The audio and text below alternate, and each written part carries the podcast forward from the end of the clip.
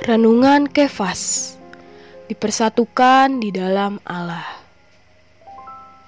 Roma pasal 3 ayat 29 berkata, Atau apakah Allah hanya Allah orang Yahudi saja? Bukankah ia juga Allah bangsa-bangsa lain? Ya, benar. Ia juga Allah bangsa-bangsa lain. Setiap organisasi pasti memiliki tujuan untuk memajukan suatu organisasinya.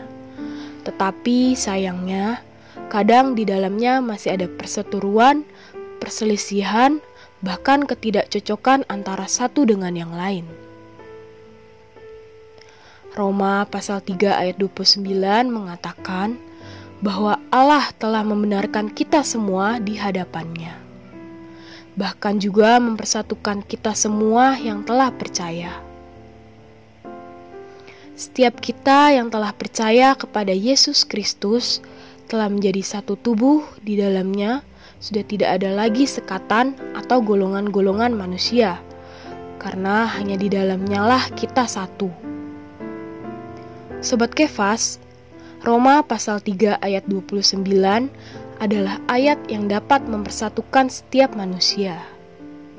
Meskipun dalam organisasi memiliki satu kepala, tetapi masih juga ada perselisihan. Di dalam Allah lah yang hanya dapat menyatukan setiap manusia melalui percaya kepada Yesus Kristus, karena Allah mau menjadi Allah semua manusia. Terang hari ini, yang pertama, Allah mau menjadi Allah semua manusia. Yang kedua, hanya Allah yang mampu menyatukan manusia. Beban doa yang pertama, agar setiap manusia mau menerima Yesus Kristus.